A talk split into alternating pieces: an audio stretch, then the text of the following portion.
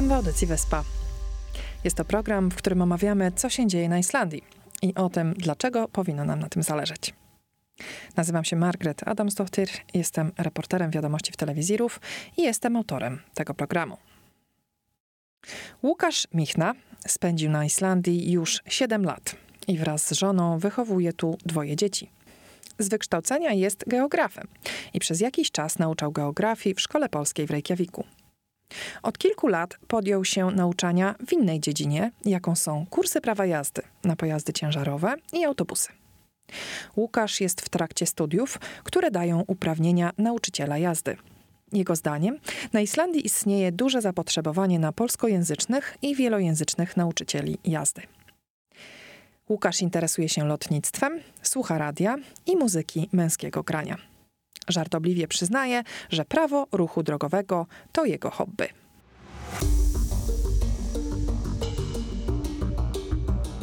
Serdecznie witam, Łukaszu. Dzień dobry, dobry wieczór, bo nie wiadomo o której porze będziecie odsłuchiwać. No właśnie.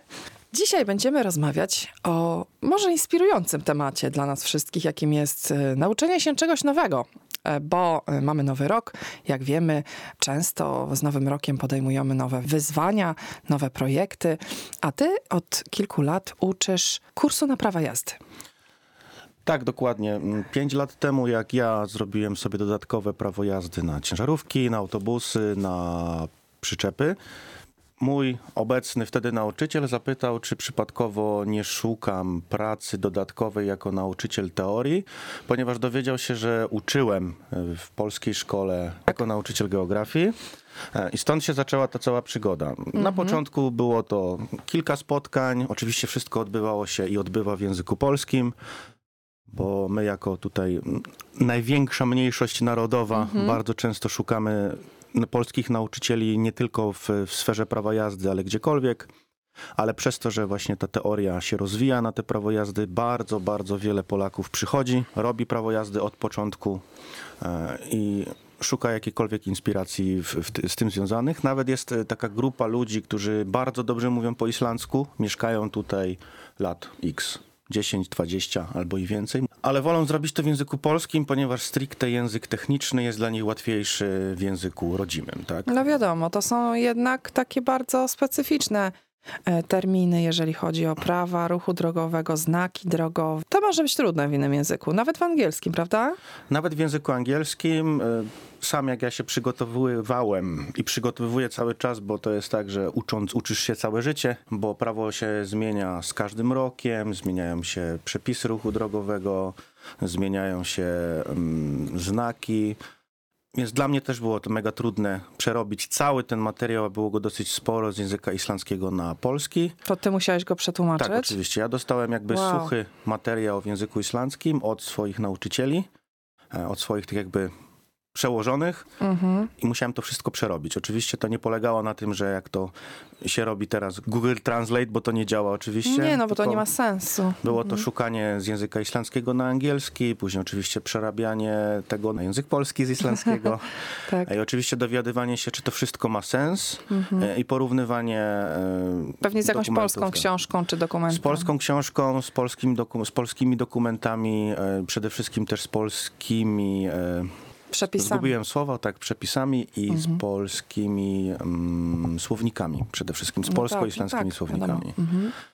I też e, sprawa wygląda tak, że jak to wszystko się przygotowało, to z każdym kursem jakby rodziły się nowe pytania, nowe problemy. Mhm. Dlatego szkoła, w której nauczam, też wpadła na pomysł, żeby oprócz tej suchej teorii, mówimy tutaj oczywiście cały czas o teorii na Mejraprof, czyli na ciężarówki, autobusy i na przykład na naczepy lub przyczepy. E, w języku polskim stwierdziła szkoła, że zapotrzebowanie też jest na kontynuowanie kursów Endurmentu, na które też oczywiście tutaj w języku polskim zapraszamy. A co to są za kursy? To są kursy polegające na tym, że jak jesteśmy zawodowymi kierowcami, mhm. to co pięć lat musimy sobie odnowić uprawnienia. Rozumiem. E, więc co pięć lat musimy chodzić na taki kurs, jest to pięć spotkań, mamy mhm. tam przewóz osób, przewóz rzeczy, e, ekologiczną jazdę, w zależności kto komu co jest potrzebne. I Czyli wszyscy kierowcy, którzy pracują zawodowo, muszą takie coś wykonać. I dodatkowo jeszcze muszą zrobić sobie badania lekarskie i wtedy mogą odnowić uprawnienia. Rozumiem. E, ważne, żeby tutaj powiedzieć, że to są uprawnienia, nie prawo jazdy, bo prawo jazdy kategorii podwyższonej, czyli to jest D, autobusy, C, ciężarówki, E, wszystkie dopisane do innych kategorii e, przyczepy. Mamy dożywotnio, ale musimy co 5 lat odnawiać e, No rozumiem, bo na przykład y, y, są też różne dodatkowe jeszcze uprawnienia na przewóz różnych materiałów, tak? Tak, Czy na przewóz osób? Czego jeszcze? Przewóz osób, przewóz materiałów, Tak.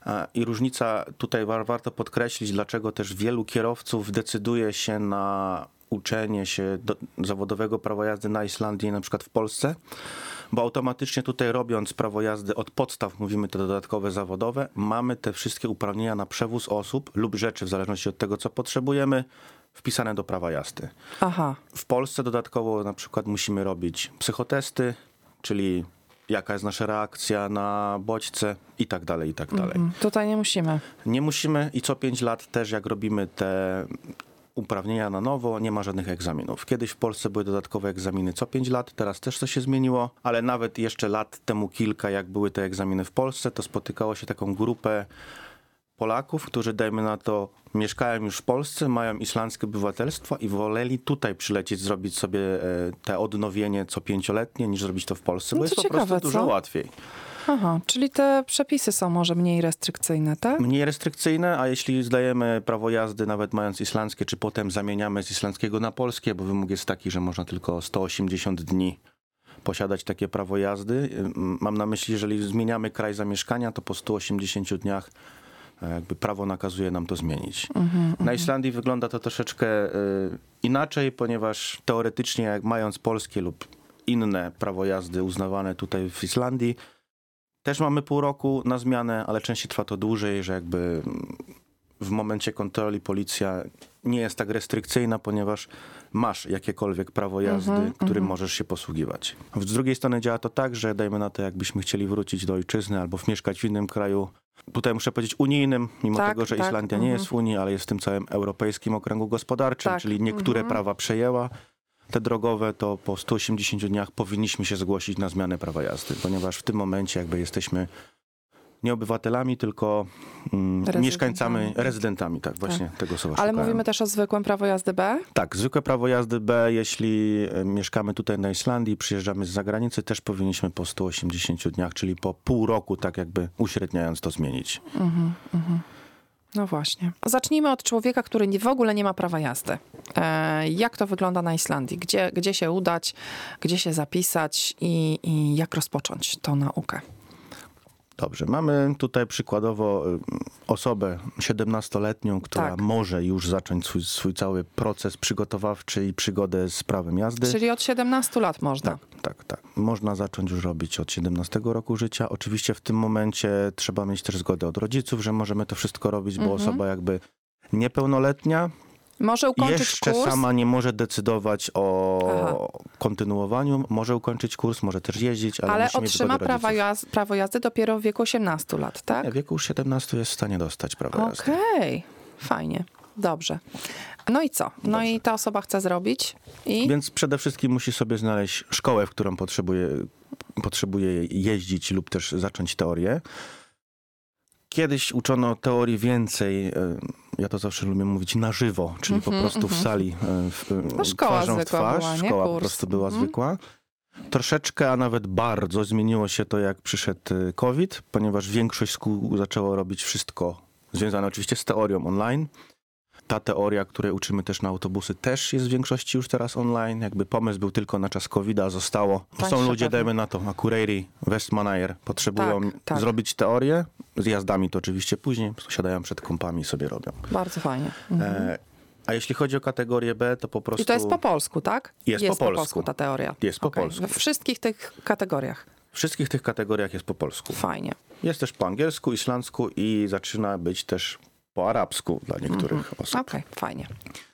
E, I więc taka osoba, która potrzebuje zacząć prawo jazdy, szuka sobie szkoły, zapisuje się na szkołę jazdy numer 1, czyli oku szkolin 1, bo jest to podzielone tutaj na oku szkolin 1, oku szkolin 2. To są dwa rodzaje teorii na jedną kategorię B. I jak skończy taką część pierwszą, czyli ta Okus Coli 1 tyczy się tylko y, przepisów po prostu stricte ruchu drogowego. Aha, aha. Mhm. I szkoły online robią to w taki sposób, że nie ma lekcji face to face z prowadzącym, tylko po prostu jest zbiór e, teorii przygotowanych i ktoś musi taką teorię w 30 dni skończyć numer jeden, czyli te Okus Coli 1. I codziennie powiedzmy robi jedną lekcję, system e, to zaznacza, że on ją zrobił.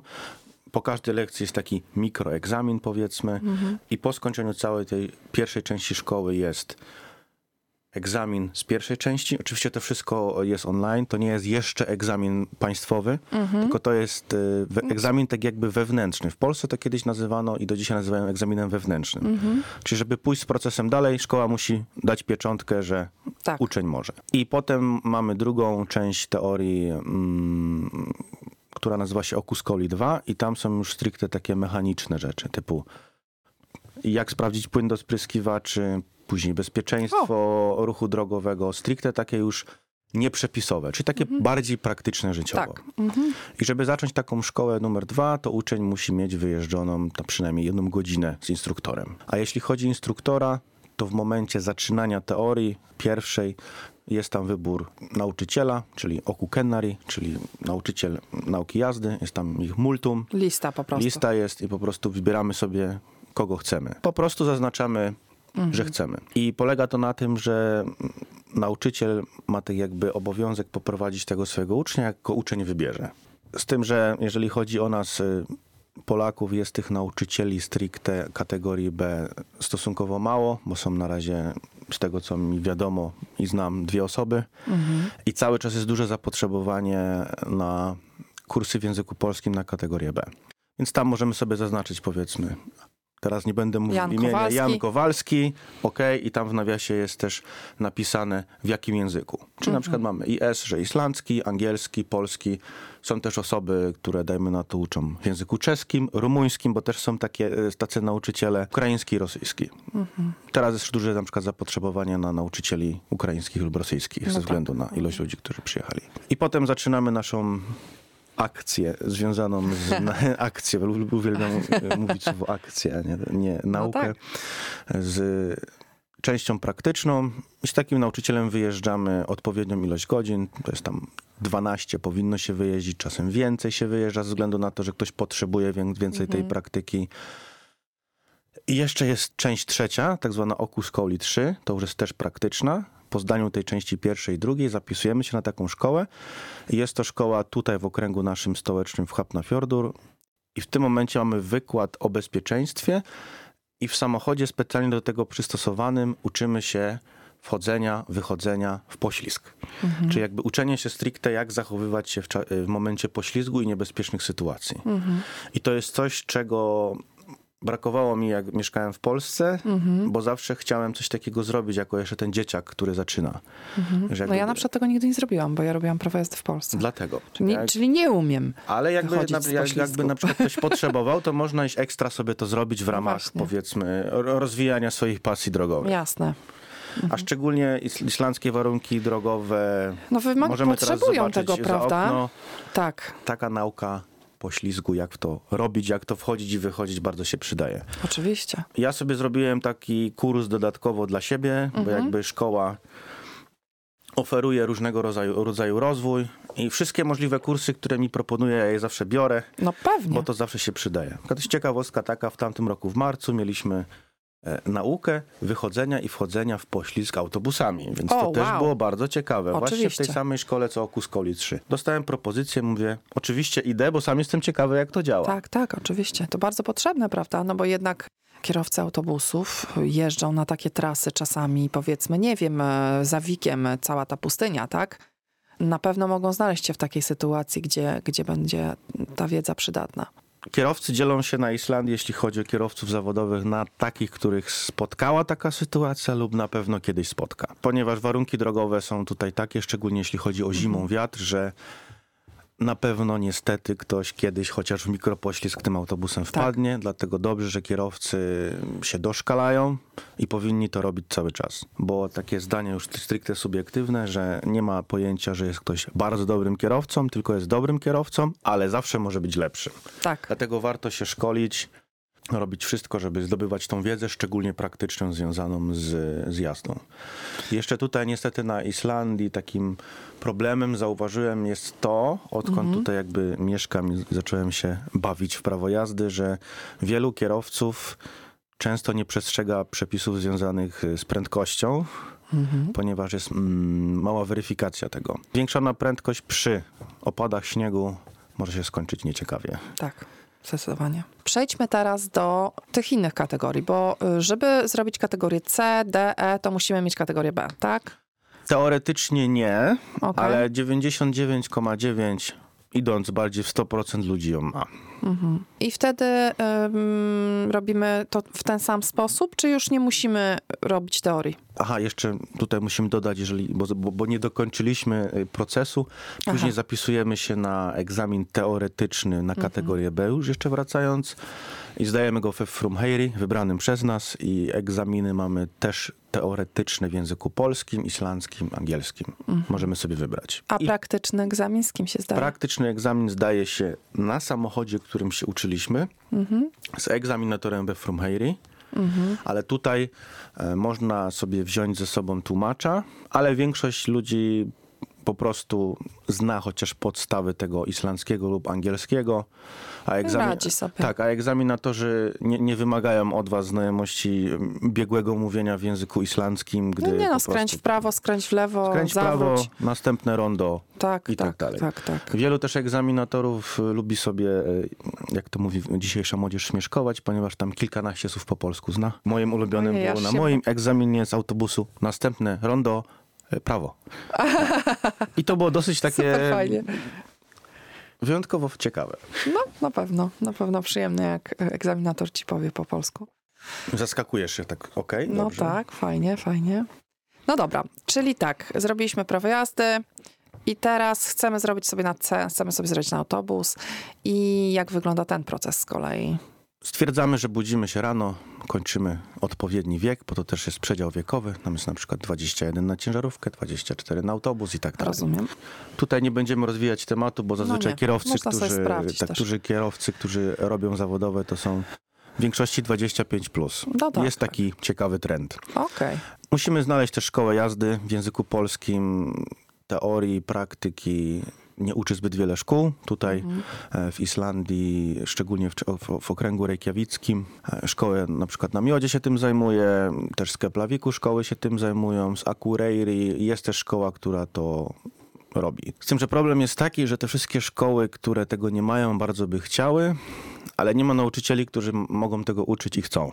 Mhm. W sensie nas, Polaków. Zauważyłem, że to jest mega duża nisza związana z tym. Dobrze wiedzieć, czyli jest y, pole do popisu. Jeżeli Jest pole do popisu, więc jak ktoś, ktoś, by chciał, to może jest zostać nauczycielem, i chciałby sobie pouczyć teorii, to Mhm.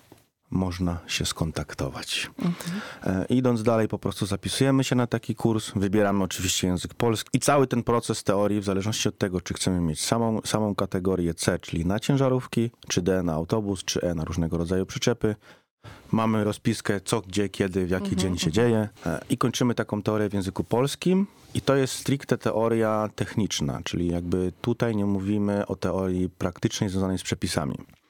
Dodatkowo, jeżeli ktoś potrzebuje nauczyć się teorii z przepisów, są też ludzie, a, na- a, a dokładnie jeden, który robi e, tak zwane korepetycje typowo pod egzamin. Aha. Teoretyczny tutaj mówimy.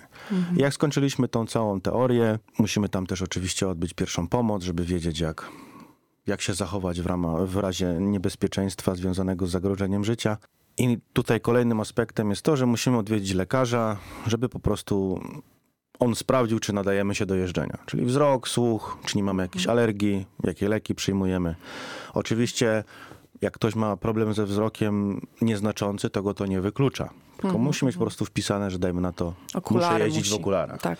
Ktoś ma jakieś alergie, też to nie jest problem. Mhm. Wiadomo, jak ktoś cierpi powiedzmy na schorzenia typu epilepsja lub tego typu No tak, podobne, to to, może z automatu no niestety nie zostanie dopuszczony do Mhm. wykonywania zawodu. Czyli mamy skończoną teorię, zapisujemy się na egzamin teoretyczny, też państwowy, w tym przypadku już tylko państwowy. I tam też mamy dwie części. Część Mhm. A i B na egzaminie teoretycznym. On też jest w języku polskim. Jeżeli ktoś słabo się czuje z tym językiem polskim, jeśli chodzi o teorię, to w zależności od tego, ile razy nie zda, może sobie wziąć tłumacza. Trudniej jest z nim teraz współpracować, ponieważ ludzi to stresuje, bo teraz już jest wymóg taki, że na, to, na części teoretycznej tłumacz musi być nagrywany, jest kamera i tak dalej. Mhm. To wynika z tego, żeby nie było sytuacji, że ktoś nic nie umie, a tłumacz Nic za niego nie umie, a tłumacz za tego, tego zrobi.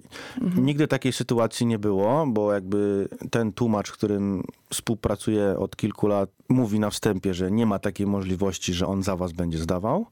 I bardziej tłumacze e, zażądali w cudzysłowie tego, żeby było coś takiego, żeby potem nikt ich nie po pozwał o to, Rozumiem. że oni podpowiadają. Mhm. Bo zdarzały się takie sytuacje, że wow. ktoś przychodzi i mówi, zdaj za mnie, bo ja ci zapłaciłem. Coś ty. Jest to bardzo słabe. Mamy teorię zdaną, teoretycznie już w kieszeni e, na nasze prawo jazdy zawodowe. Musimy odbyć e, naukę praktyczną, ilość godzin w zależności od tego, co my zdajemy. I potem idziemy już po tych wyjeżdżonych godzinach na egzamin praktyczny. I jeszcze tutaj taką ciekawostką jest to, że przed egzaminem stricte praktycznym mamy też część ustną. I tam są pytania, powiedzmy, jaka może być najwyższa wysokość, szerokość, ile mamy wyjść ewakuacyjnych, stricte takie, żeby ten kierowca ogarniał, co w ogóle się w tym przypadku autobusie lub ciężarówce dzieje. Mhm. I na tą część... Na co musi zwracać tak, uwagę Na tą część pracy. ustną też można sobie wziąć ze sobą tłumacza. Mhm. Zawsze my w szkole dajemy wykaz tych pytań, bo te pytania to nie jest, jak to się mówi, top secret, każdy ma do tego dostęp, tylko mamy te pytania też przetłumaczone na język polski, żeby po prostu mhm. ludzie ogarniali po polsku. Czyli jest wersja polska, islandzka w tym samym, tej samej części. Bo są ludzie, którzy nie chcą tłumacza, ponieważ jakby ogarniają na tyle ten język, że są w stanie zrozumieć. Są osoby, które po angielsku to robią, ale 80% to ludzi, którzy wolą wziąć tłumacza nie ze względu na to, że nic nie umieją, tylko żeby czuć się psychicznie lepiej. Mhm, I taki tłumacz właśnie, z którym my współpracujemy, to jest gość, który przychodzi, nie pomoże, tylko wam przetłumaczy. Mhm, to musimy sobie dodać, że. No właśnie, nie tłumacz... możemy liczyć na to, że tłumacz za nas zda egzamin, niestety. Bo jego praca to jest przetłumaczenie. Czy on jest naszymi ustami w języku islandzkim, tak, tak to, to wszystko. Słuchaj, e, a ile mniej więcej możemy sobie założyć, że taka nauka nam zajmie czasu? Tak minimalnie. Jeżeli przyłożymy się i zrobimy wszystko, że tak powiem, według książki, to ile czasu nam zajmie zdobycie takiego prawa jazdy? Pół roku, rok? E, mówimy tutaj o tej kategorii dalej Tak, no C lub D. Tak. Średnio przyjmuje się między 3 a 4 miesiące. Są ludzie, którzy robią to szybciej a są ludzie, którzy robią to dłużej. Mhm. To już stricte w tym momencie zależy od danej persony, jak do tego podchodzi. Jak szybko chce to jak po prostu chce. zrobić. Dobrze. Wiadomo, też trzeba czekać na terminy egzaminów. Tak, tak nie czeka tak. się miesiącami, ale to też nie jest tak, że z dnia na dzień. Rekordziści robili to w dwa dwa i pół miesiąca. Dobrze, a teraz powiedz mi, jak to wygląda z wiekiem ludzi? Jakich masz tych y, studentów? To tak z ciekawości. Przedział wiekowy jest każdy. Od 25 roku życia, ale zdarzają też się młodsi, ponieważ w wieku, dajmy na to 18 lat, można zrobić sobie kategorię C1, czyli to jest jakby kategoria na samochody ciężarowe lżejsze, do 7,5 mhm. ton. Tak, Ale to jest może dostawcze. Można, tak, można powyżej 3,5 tony mhm. oczywiście, czyli powyżej tego, co przysługuje nam prawo jazdy na kategorię B. Ale to jest promil tych ludzi. A tak to zazwyczaj jest między 25 a nawet 60 plus. Mhm, mhm, Jeżeli chodzi o płeć, to coraz więcej jest też kobiet, co mnie bardzo cieszy. Mnie też cieszy. Ja bardzo się cieszę, jak widzę panią za kierownicą autobusu, a jeszcze bardziej ciężarówki. Tak bo jakby ten zawód... Yy, no nie wymaga na... płci tak naprawdę, Nie prawda? wymaga płci. No nie, nie, tak. nie, no, no nie wiem, no każdy może jeździć samochodem tak naprawdę. Co mnie bardzo cieszy, bo widzę, że z kursu na kurs jest coraz więcej pań. Bardzo, bardzo pozytywne. Oczywiście, zgadzam się z tym. Dobrze, a teraz przejdźmy do, do tematu właśnie uczenia jazdy, bo jesteś w trakcie kształcenia się, żeby zostać tym nauczycielem jazdy, czyli e, wtedy będzie trzech nauczycieli. Mi wiadomych będzie trzech. trzech polskojęzycznych nauczycieli, wow. No, czyli e, oczywiście jeden mówimy... na każde 10 tysięcy Polaków. Tak, oczywiście mówimy tutaj na kategorię B, czyli tak, na, na podstawową kategorię. I czy to jest długi proces, trudny proces? Jeżeli, cho jeżeli chodzi o sam proces zaczęcia nauczania się, to podchodziłem do tego trzy razy, żeby zacząć, ale troszeczkę jakby demotywowało mnie to, że twierdziłem, że mój język islandzki nie jest na takim poziomie, żeby móc zacząć. Więc jakby Oj przez tam, ten, oj tam. przez ten cały czas jakby, jak to mówi młodzież, cisnąłem troszeczkę językowo. I w tamtym roku stwierdziłem, że ryzykujemy, wysyłamy podanie. Troszeczkę miałem z tym komplikacje związane takie, że potrzebowali dokumenty, czy ja ukończyłem szkołę średnią, ja przesyłałem dyplomy polskie, Rozumiem. oczywiście nostryfikowane, czyli uznane tutaj na Islandii. To nie był bardzo duży problem, ale musieli to sprawdzić. Czyli ja- szkołę średnią trzeba ukończyć. Trzeba szkołę średnią ukończyć. I taka szkoła to jest na Hauskoli Island, dokładnie na Endurmentun Hauskoli Island. To jest jakby część Tak. e, uniwersytetu. Na polski język, jak kiedyś próbowaliśmy to przetłumaczyć, to można powiedzieć, że to są po prostu studia podyplomowe. Tak, studia podyplomowe, dokładnie. I to są takie, e, e, powiedzmy, kursy, powiedzmy, roczne, nie? Trwa to od sierpnia do kwietnia, ten Aha. kurs. Oczywiście nie codziennie. Czy to są dwa semestry? Dwa semestry, raz w miesiącu, cztery dni spotkań na uczelni. Teraz ze względu na święta była półtora miesięczna przerwa. Mogłoby się wydawać, że to jest takie bardzo łatwe do zrobienia. Nie jest do końca, ponieważ trzeba się dużo napracować, jest dużo do zrobienia z części teoretycznej, trzeba dużo projektów poprzygotowywać. Trzeba zdać samemu te wszystkie szkoły jazdy, czyli tą oku szkolin, o której żeśmy mówili najpierw. y, Jako Jeszcze raz? Jeszcze raz. Trzeba zdać Okej. e, e, Okus Coli 2 jeszcze raz, tylko to nie jest egzaminowane na tę, na tą chwilę, tylko żeby nauczyciel mógłby zostać dopuszczony do tych końcowych egzaminów, Mhm. musi się wykazać, że tą wiedzę zna. No tak, no bo y, prowadząc takie lekcje jazdy, tak, i mając tego ucznia w samochodzie, możemy się spodziewać praktycznie wszystkich pytań, prawda? I trzeba tu podkreślić, że w takiej sytuacji nie ma głupich pytań. No nie ma. Bardzo odpowiedzialna rola tego nauczyciela, ja myślę, bo, bo dużo od tego zależy, nie? Jak, jak zostaniesz nauczony prowadzić ten twój samochód. To jest jednak ta umiejętność, no, która towarzyszy nam przez całe życie. To jest tak jak, nie wiem, no jeżdżenie na rowerze. No i po prostu całe życie będziemy to używać. Że to jest ważna, ważna Pozdrawiam rzecz. swojego nauczyciela przed 16 lat, Marka. Do Nie dzisiaj pamiętam jeszcze żyje, jak... słuchaj, bo Żyje, żyje. Znaczy twój żyje, ja mówię o moim. Mój żyje, taki tak. stary ostro był, nie? Utrzymujemy e, kontakt do dzisiaj Tak. i czasami jak mam jakieś e, zagwozdki e, związane z międzynarodowym prawem drogowym, to się po prostu wymieniamy, nie? Bardzo fajnie, że masz kontakt z swoim nauczycielem. Idąc dalej, jeśli chodzi właśnie o te studia, bo musimy to nazwać, że to są studia, mimo tego, że to nie tak, jest tak. podyplomowe, to nie jest to jakoś pięcioletnie, ale są to studia. Mamy tą część, że musimy też skończyć część praktyczną. House Coli znajduje nam nauczyciela, czyli my w pierwszej części uczymy się tego, jak uczy nauczyciel. Troszeczkę masło maślane, ale tak to wygląda. Z drugiej strony następną częścią, że my już uczymy przez chwilę jakiegoś kursanta, a ten nauczyciel siedzi za nami i nas obserwuje. Potem my siedzimy na roli przyszłego ucznia. Czyli ważne jest też to, że ta część praktyczna jest tutaj z dużym naciskiem. Rozumiem, no. Po prostu sprawdzają, czy potrafisz poprowadzić te lekcje, czy potrafisz być w tej roli. I jeszcze przed tym, jak zaczynaliśmy jedną z części teoretycznych, trzeba było wykazać się, że potrafi się jeździć samochodem z manualną skrzynią biegów. E, Musiałem od kolegi pożyczyć auto z manualną skrzynią biegów, bo na Islandii jest to mniej spotykane.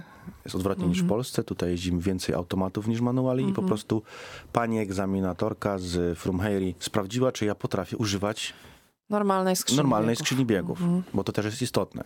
Bo my potem jako nauczyciele, wiadomo, możemy uczyć na automatach, tylko z tym, jak ktoś zrobi już prawo jazdy na automatyczną skrzynię biegów, to ma wpisane w prawo jazdy. Że tylko tak. Możesz jeździć tylko automatem. Ja uważam, że zawsze opłaca się bardziej zrobić na zwykłą, nie? Bo wtedy może jeść wszystkim. To też zależy od kursanta, bo są, dajmy na to, osoby, z, powiedzmy, które są Może niepełnosprawne tak, jakieś. niepełnosprawne, delikatnie ograniczone ruchowo, to w tym momencie, dajmy na to, wybierają automaty. Ja będę każdemu polecał i polecałem zacząć od manuala, żeby wiedzieć, jak tą wajchą manipulować. No właśnie, bo to jest taka Mówiąc podstawa, kolokwialnie, nie? tak. Rozumiem też ludzi, którzy może z jakiegoś powodu boją się, że to jest trudniejsze. Jak z kosztami to wszystko wygląda? To Jeżeli jest pewnie droga sprawa, o co? skończenie studiów tych podyplomowych, to jest to koszt dosyć spory, bo to jest całe 2 miliony koron, bez O, wow. 10 koron. No ale to mo- możesz dostać jakieś dofinansowanie. Wiadomo, tam tak? ze związków cio- coś się zwróci. To też nie jest, że całość. Mhm. Tylko ja wyszedłem z założenia, że to jest też inwestycja w siebie, inwestycja w to, co zawsze marzyłem robić. Pomimo tego, że w Polsce skończyłem studia związane z geografią, Mhm. będąc magistrem geografii, w pewnym momencie życia stwierdziłem, że bardzo to lubię, ale chciałbym zawodowo robić to, co mnie po prostu, jak to mówi młodzież, Ale jara. wiesz, ile ty ge- geografii będziesz używał, jak będziesz jeździł po Reykjaviku? Używam i używałem i będę używał. Jestem tego całkowicie świadomy. Aha. Dobrze wiedzieć, że, że potrzebujemy więcej polskich naszych nauczycieli, także jeżeli ktoś nie wie, co, co mógłby robić i chciałby mieć pracę e, na przykład e, związaną z, z jeżdżeniem, to jakie są korzyści takiej pracy? Bardzo dobrze zadane pytanie, ponieważ byciu szczególnie nauczycielem jazdy to musi być coś, z czym się rodzisz i masz to, albo tego nie masz. Zauważyłem to jakby w swoim przypadku. Bo w części praktycznej, gdzie już mój nauczyciel, który mnie teraz y, kursuje, powiedział, że on widzi, że ja wsiadam jako ten nauczyciel i to jest takie po prostu zmiana o 180 stopni, spokój w sobie, mimo tego, że na co dzień nie jestem zbytnio spokojną osobą, tylko bardziej jestem żywiołowy, e, więc trzeba to mieć. Jak, jak już to masz i chcesz, to korzyść jest taka przede wszystkim, że daje ci to dużo takiej satysfakcji z tego, że kogoś nauczyłeś. Daje to też satysfakcję innym, że ty dobrze wiedzę przekazujesz. I też zauważyłem, że jest coś takiego, że rodzi się w pewnym momencie takie jakby odpowiedzialność za tego człowieka. Ponieważ to, co ty nauczysz, to on w przyszłości będzie tego używał. Tak, tak. No ale też chyba godziny są takie właśnie e, bardzo elastyczne, prawda? Jeżeli jesteś już nauczycielem na kategorię, tutaj mówimy B i uczysz, to możecie sobie to razem ze swoim uczniem dopasować pod to, jak to wam wygodnie pasuje. I to też jest y, jeden z punktów, dlaczego zależało mi, zależy, żeby to robić. Jako osoba energiczna nie jest dla mnie niczym dobrym pracowanie od do. No ale też jako tata, tak? Jeżeli jako ma się tata, dzieciaczki tak, małe, dokładnie. to też... Mhm. Zapomnieliśmy tutaj powiedzieć, że jako tata to też. Więc jeżeli powiedzmy umówię się z uczniem, że jeżdżę od 20 do 22, damy radę. Mhm. Mogę to tak jakby podkładać pod siebie i pod ucznia. Tak, tak. To też jest bardzo istotne, więc jakby to jest też taka bardzo duża korzyść. Na pewno. Nie musisz być właśnie w pracy od do, powiedzmy od tej 8 do 16, tylko, tylko masz taką wolność w ustalaniu swojego własnego grafiku. I też właśnie w pewnym momencie życia, pracując tutaj w różnych miejscach od do, zauważyłem, że to kompletnie nie jest coś, co jest dla mnie, wiadomo. Tutaj ni- nikogo nie gloryfikuje, że ktoś się czuje lepszy, bo pracuje dla siebie albo od do, bo to jest po prostu kwestia indywidualna, personalna, ale po dojściu do tego, że praca od do nigdy na pewno nie spełni mnie w 100%, bo ja nie lubię nie wykorzystywać wolnego czasu w taki sposób, że powiedzmy nic się nie dzieje, Mhm. I siedzieć na krześle i po prostu scrollować. Teraz ta młodzież lubi TikToka, to powiedzmy. No właśnie, tego typu przykład, aplikacje. Mhm. A taka praca jest taka, że w godzinach pracy spełniam się 100% i mam może nawet nie tyle wolnego czasu co od do, ale ten wolny czas mogę spędzić na, na czymś po prostu takim pożytecznym dla siebie, dla rodziny. Mogę być tym tatą na co dzień, Mhm. a nie tylko tatą od 17 tam Do do, 22, wieczora. nie? Mhm. Rozumiem. Jakbyś to ocenił? Czy na Islandii warto jest mieć prawo jazdy lub dodatkowe uprawnienia? E, Czy, czy jest to potrzebne e, żyjąc tutaj w tym kraju? Jeżeli chodzi o podstawowe prawo jazdy, mogę śmiało powiedzieć, że to jest jedna z najważniejszych rzeczy, którą powinniście posiadać mieszkając na Islandii, ponieważ 90% prac, które chcecie wykonywać, ofert pracy jest masz prawo jazdy? Punkt pierwszy. A po drugie, podróżowanie po Islandii bez samochodu, nawet po okręgu tutaj stołecznym w niektórych godzinach, na przykład weekendowych, gdzie te autobusy nie do końca kursują tak jak powinny, prawo jazdy wam ratuje życie. Nawet można powiedzieć to śmiało, że życie w niektórych przypadkach, gdzie gdzieś utkniecie daleko. Przykładem taki jest na przykład mój kolega, który w zeszły piątek zadzwonił. Słuchaj Łukasz, jest taka sprawa, bo ja w Borganes utknąłem, bo on autobusem sobie do Reykjaviku chciał przyjechać, zrobić sobie wycieczkę. E, Pozdrawiam Marka Solaswiku, on pewnie tego na pewno słuchał. Jest wielkim fanem programu. Mówię, dobra, to przyjeżdżaj, prześpi. I, I był u nas do niedzieli, ponieważ utknął. O maj. No bo ta pogoda w weekend była no, wy- wybitnie zimowa. Jest Wybitnie. posiadaczem samochodu, tylko po prostu stwierdził, że zrobi sobie wycieczkę autobusem. Okej, czyli nie, Tutaj- no, teoretycznie można Tak. liczyć na. Tutaj na droga była zamknięta, tu to, ale jak miałby auto, to by jakoś dojechał. No, Tylko po- rozumiem. dojeżdżając do Borganes, kierowca powiedział, sorry, nic nie jedzie na Olzazwik, bo jest pogoda jaka Nie, jest. no tak, no drogi mogły być nieodśnieżone tam, nie? Więc myślę, że prawo jazdy to jest, można Podstawa. rzec, że podstawa tutaj. No tak, bo w innych krajach może niekoniecznie, a tutaj akurat Bardzo dobrym przykładem jest powiedzmy mój ukochany Nowy Jork. Mhm. Tam można mieć prawo jazdy, ale nigdy w życiu tam bym samochodu nie posiadał, gdybym tam mieszkał, bo to nie ma Nie kompletnie potrzeba. sensu. Szybciej się poruszamy komunikacją miejską. A jeśli chodzi o te dodatkowe kategorie, to coraz więcej ludzi je ma i robi.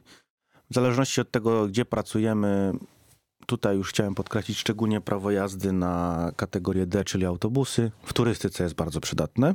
Mhm. Kategoria C, wszelkiego rodzaju transport, wszelkiego rodzaju rzeczy też jest bardzo często potrzebny. Mhm. Więc jakby myślę, że też warto to mieć, bo to otwiera Poszerza. Nam, poszerza nam wachlarz rzeczy, które możemy w życiu robić. Mhm. I czasem są sytuacje takie, że ktoś ma te prawo jazdy na co dzień i nie jeździ. Mhm. Jeżeli chodzi o zawodowe jeżdżenie, na przykład ja jestem takim przykładem, że przez, przez ze względu na dzieci tak jakby troszeczkę ograniczyłem, ale są sytuacje, że ktoś potrzebuje na przykład na kilka dni, bo się coś stanie, jechać z lawetą na drugi koniec Islandii, to zadzwoni i spyta, Łukasz, masz czas? Chcesz sobie dorobić? Okej. Masz prawo jazdy, jedziesz. Bardzo, bardzo dziękuję Ci za e, rozmowę i za takie szczegółowe wyjaśnienie nam całego tematu. Jeszcze jeżeli ktoś by potrzebował więcej informacji, to można mnie znaleźć na Facebooku. W miarę możliwości odpowiem i odpowiadam, bo wielu osobom też jeszcze nie ucząc w tym momencie stricte kategorii B, staram się pomagać to robić, bo wiem jakie to jest potrzebne i ważne posiadanie prawka tutaj na Islandii. Na koniec dzisiejszej audycji najnowszy singiel piosenkarki GDRN, czyli Guðrun Ir Eyfjörð Jóhannesdóttir, która tworzy muzykę pop z wpływami jazzu. Jest również znana z głównej roli w serialu Katla. Ballada ma tytuł Ivy Longed, czyli Przez całe życie. Wiadomości z Islandii po polsku można znaleźć na stronie www.ruf.is ukośnik polski. Serdecznie dziękuję Państwu za uwagę i zapraszam na kolejne odcinki Wyspy w przyszłym tygodniu. Ég fór að hugsa MH Um þig og mig þar Og hvað ég náði aldrei að tjá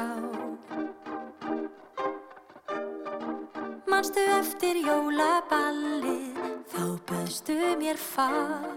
Ég vildi segja eitthvað þá En ég var feimin og ég fraus. Svo ég sló á létta strengi En við töluðum svo lengi Að bíllinn varð rafmagnslaus.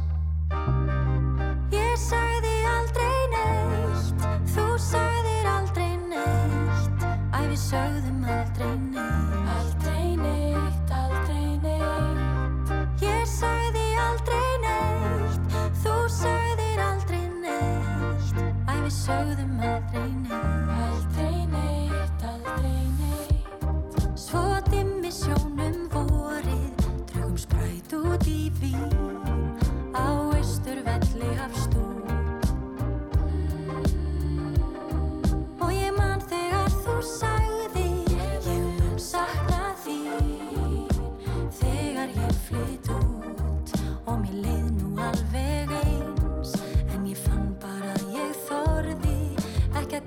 sönnu orði Að það væri ekki til neins.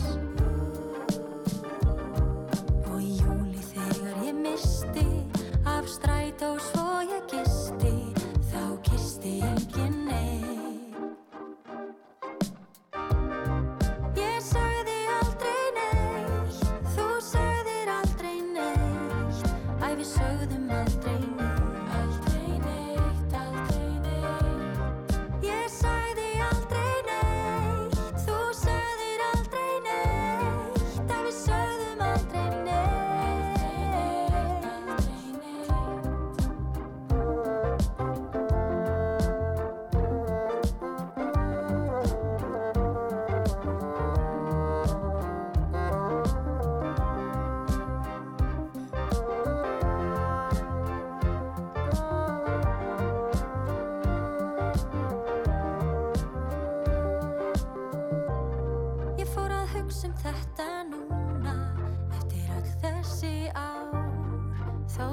sé tilgangslaust.